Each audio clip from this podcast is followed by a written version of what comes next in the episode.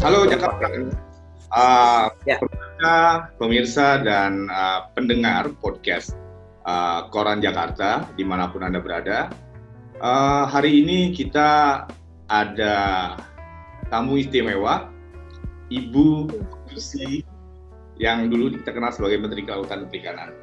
Uh, Ibu, terima kasih banyak Bu untuk waktunya untuk interview dengan kami. Sama-sama, sama-sama. Baik. Apa kabarnya Ibu? Lama gak kedengeran Ibu? Baik, sehat. Alhamdulillah. Masih dikasih sehat sama Tuhan. Alhamdulillah, puji Tuhan. Ibu, uh, kita juga ini... mencoba untuk jaga sehat terus. Baik, Bu. Senang mendengarnya. Ibu sekarang di Pangandaran? Atau di... Ya, ya di Pangandaran. Jadi banyak waktu dihabiskan di Pangandaran ya Bu sekarang Bu ya? Ya di rumah beres-beres sama beres-beres perusahaan juga. Baik, baik. Bu, uh, ini sekarang kan kita lagi uh, masa pandemi COVID-19, Bu. Ya. Uh, dari pengalaman dan perspektif Ibu pribadi, uh, bagaimana Ibu menanggapi dan menyikapi tentang pandemi COVID-19 ini, Bu? Ya harus waspada terus karena vaksin belum ada, kemudian obat juga hmm. ya belum ada obat yang oh ini jos gitu kan hey. belum ada jadi dan ya kita hanya bisa mencegah kan Betul. Ya, anjuran pemerintah untuk mencuci tangan setiap kali melakukan kegiatan atau sesudah sebelum kemudian uh, physical distancing social distancing yeah. menghindari keramaian, ya itu aja harus kita kerjakan terus menerus sampai ya tidak tahu kita akan ya turun, tapi kan tetap kewaspadaan harus ada karena Betul. namanya Betul. Ya kita merubah gaya hidup, kebiasaan, habit sama baik kehidupan hari-hari, kerja dan semua harus berubah. Kalau betul. tidak ya kita fokus terhadap kemungkinan tertulari atau menulari itu saja. Betul, betul, betul. Jadi ya kita terlalu takut juga tidak perlu. Betul. Tapi kita terlalu meremehkan juga tidak boleh karena konsekuensinya sangat berbahaya. Betul, betul. Baik, Ibu, secara spesifik Bu, uh, Ibu kan sekarang mungkin banyak uh, kembali ke dunia usaha ya Bu ya. Uh, sebagai seorang pengusaha Bu di bidang yang Ibu tekuni, uh, ada nggak Bu hal yang bisa di-share ke Jakartans untuk uh, bagaimana kita sebagai pengusaha menyikapi uh, perkembangan ini? Ya, untuk usaha sangat kalau saya di bidang airline commuter service ini ya sangat tidak baik ya. ya. Hampir 90 ya mungkin dalam seminggu terakhir mulai terbang satu persen saja. Jadi 99 persen masih berhenti. Ya, ya tentunya kita harus konsolidasi, restructuring, menutup tempat-tempat yang kantor ataupun kos-kos yang tidak perlu, kos-kos pengeluaran yang tidak perlu harus kita tutup. Dari mulai expenses base, expenses office, expenses yeah travel, expenses, yeah. semua termasuk juga karyawan kalau kantornya ditutup ya terpaksa harus dirumahkan. Yeah, yeah. Lalu ada yang gajinya tinggi terpaksa harus direduce. Ya seperti itu semua harus dilakukan. Yeah, yeah. Harus betul-betul cost calculated, expenses calculated, lalu juga ya mulai memikirkan apa yang bisa kita kerjakan Ya. Selain usaha ini tentunya, karena kalau terus-menerus begini juga tidak mungkin. Betul, betul. Nah, jadi ya kita betul-betul harus hemat sekali untuk menahan napas sambil kita mencari celah-celah kemungkinan yang lain betul. atau memperbaiki yang ada. Betul. Jadi buying time kita lakukan dengan ya. semua pengetatan pengeluaran itu saja. Ya yang Baik. sangat penting. Jadi pengusaha untuk ya mungkin pengeluaran pribadi pun kalau perlu jangan lakukan. Ya, berhemat lah ya Bu ya kita di masa-masa ya. ini di semua sektor di semua lini. Ekstrim karena krisis ini bukan cuma kalau dulu 98 kan krisis keuangan. Betul. Juga tidak semua negara kena. Betul. Lalu dulu tahun 1920 Spanish flu itu cuma krisis kesehatan. Betul. Kali ini dua-dua kesehatan dan keuangan Betul. dan ekonomi akhirnya. Betul. Dan, dan seluruh dunia tidak hampir Betul. Ah, cuma berapa negara saja yang signifikan tidak kena, tapi yang lain semua signifikan kena dampaknya.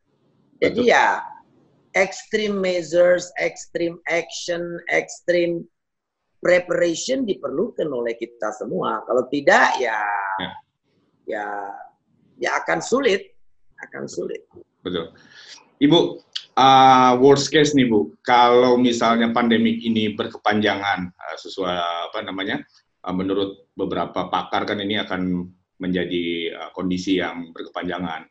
Bahkan pemerintah juga sudah menyerukan tentang bagaimana kita beradaptasi dengan uh, new normal. Nah, ya, saya mau kami mau dengar dong Bu dari Ibu uh, definisi new normal, pandangan new normal dari Ibu Puji, uh, dari Ibu Susi itu bagaimana Bu? Ya tadi saya sudah bilang di depan bahwa kita harus merubah gaya hidup, tata cara kita hidup hari-hari, ya. membiasakan cuci tangan lebih sering, ya. kemudian membiasakan menjaga jarak dengan kawan-kawan, dengan orang yang kita tidak kenal, Betul. tidak tahu, tidak bisa kita garansi, kan? Mau tidak mau precautions, precautions, preparation kehati-hatian akan di sana. Menghindari keramaian, tidak hang out di kafe, tidak hang out hmm. di bar. Mungkin ya restoran pun kalau buka lagi juga tidak mungkin boleh berdekat-dekatan mejanya. Ya di Amerika sudah mulai diatur. Ya. Berjemur di taman sudah dimulai kasih lingkaran. Betul, betul. Ya, ya yang pasti selesai pandemik PSBB atau hmm. lockdown hmm. atau semi lockdown kita bilangnya apa? Kita hmm. tuh tidak kembali ke dunia kita semula. Betul. Sesuatu berbeda harus kalau tidak kita expose kepada kemungkinan kena dampak. Betul. Ya, semua negara juga belajar, semua pemimpin negara juga mempelajari. Kita rakyat ya cuma bisa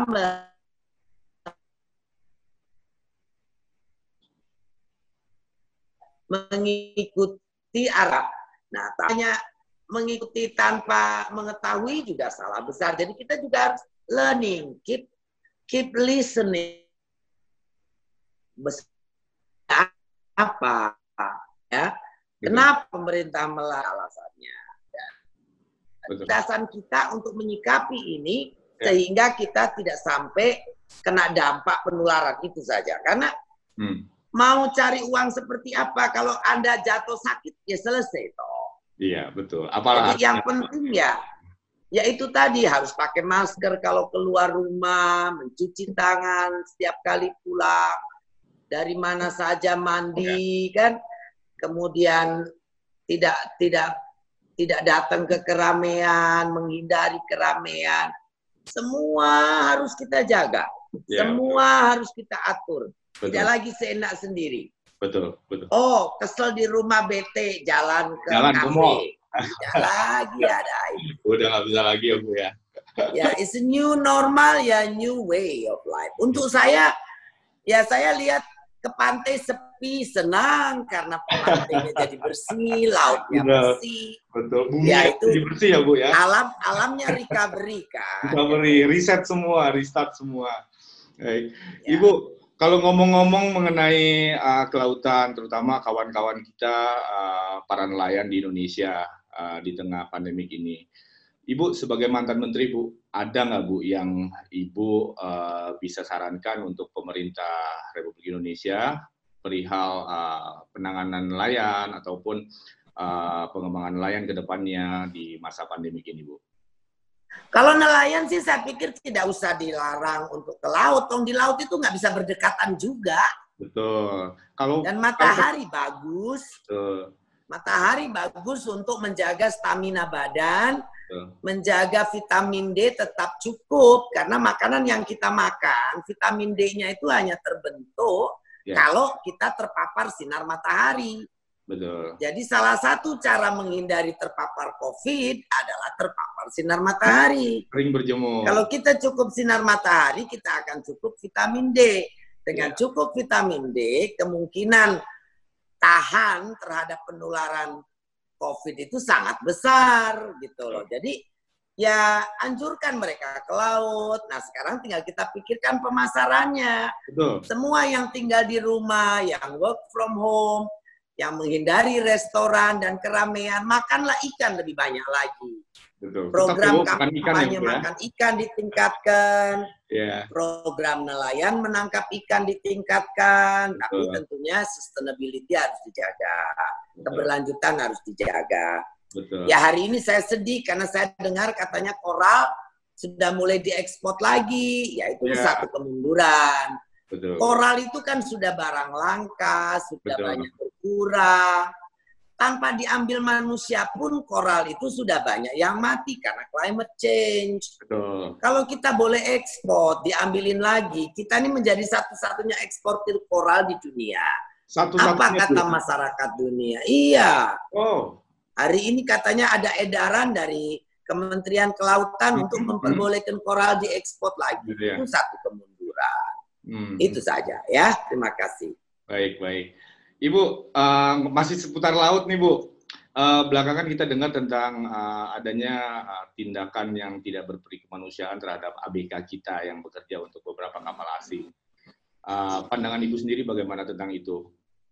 Ya, pandangan ya harus dituntut hukum yang hmm. melakukan, jangan cuma agen tenaga kerjanya saja, yeah. yang melakukan pemukulan, memperlakukan orang tidak manusiawi, ya itu harus dihukum. Nah kebetulan kan itu karena itu yurisdiksinya di luar negeri, yeah. ya kita harus meminta negara kapal itu berasal Betul. kan kebetulan kalau seperti yang kejadian kemarin Tiongkok Tiongkok Betul. kan ada perjanjian kerjasama dengan kita Betul. strategic partnership tahun 2017 Betul. pakai itu untuk mengekstradisi pelakunya kalau perlu kan Betul. protes melakukan investigasi bersama menuntut hmm. pelakunya untuk diekstradisi ke Indonesia gitu kan Ya, itu Betul. saja. Kalau untuk uh, tindakan preventifnya, Bu, yang Ibu bisa beri masukan apa Bu kira-kira ke depan agar tidak terulang lagi? Uh... Ya, tadi agent-agent yang nakal dihukum. Ya. Yang tidak yang menggaji melakukan perjanjian gaji yang sangat kecil dihukum. Kemudian dituntut diatur ya pemerintah harus mengatur itu semua supaya jangan sampai terjadi lagi. Betul. Gitu. Baik, baik. Ya, en law enforcement sangat penting. Law enforcement. Baik. Ibu, dari tengah laut kita ke pantai nih, Bu. Tepatnya di Pangandaran, Bu. Pangandaran ya. sendiri sekarang situasinya gimana sih, Bu? Karena saya juga uh, cari-cari di... Kan daerah wisata ditutup, jadi ya sepi, tidak ada turis datang. Biasanya kalau lebaran di Pangandaran ratusan ribu eh. orang bahkan hmm. jutaan hmm. datang. Hmm. Nah mungkin tahun ini pertama kali Pangandaran sepi. Hmm. Tapi demi kesehatan kita semua ya nanti siapa tahu membaik, ditemukan hmm. vaksin kan bisa kembali normal kayak dulu. Hmm. Tapi kalau tidak ya selama itu normalnya normal baru. Oh baru. Apakah sudah ada sinyal-sinyal dari masyarakat Pangandaran Bu untuk beradaptasi dengan new normal atau normal baru itu Bu? Saya lihat masyarakat sudah pakai masker ke mana-mana. Ah. Ya mudah-mudahan ya ya saya sih berharap pariwisata bisa dibuka tapi tentunya dengan batasan-batasan. Laut juga diperbolehkan lagi orang ke laut kan. Betul. Betul. betul. Ya. Baik. Baik Ibu, terima kasih banyak. Terima kasih. Ibu. Ya, selamat sore. Suti, selamat sore. Terima kasih waktunya, Bu. Sehat selalu, Bu. Salam untuk Amin. Terima kasih. Ya, terima kasih. Terima kasih, Bu. Selamat sore, ya. Oke.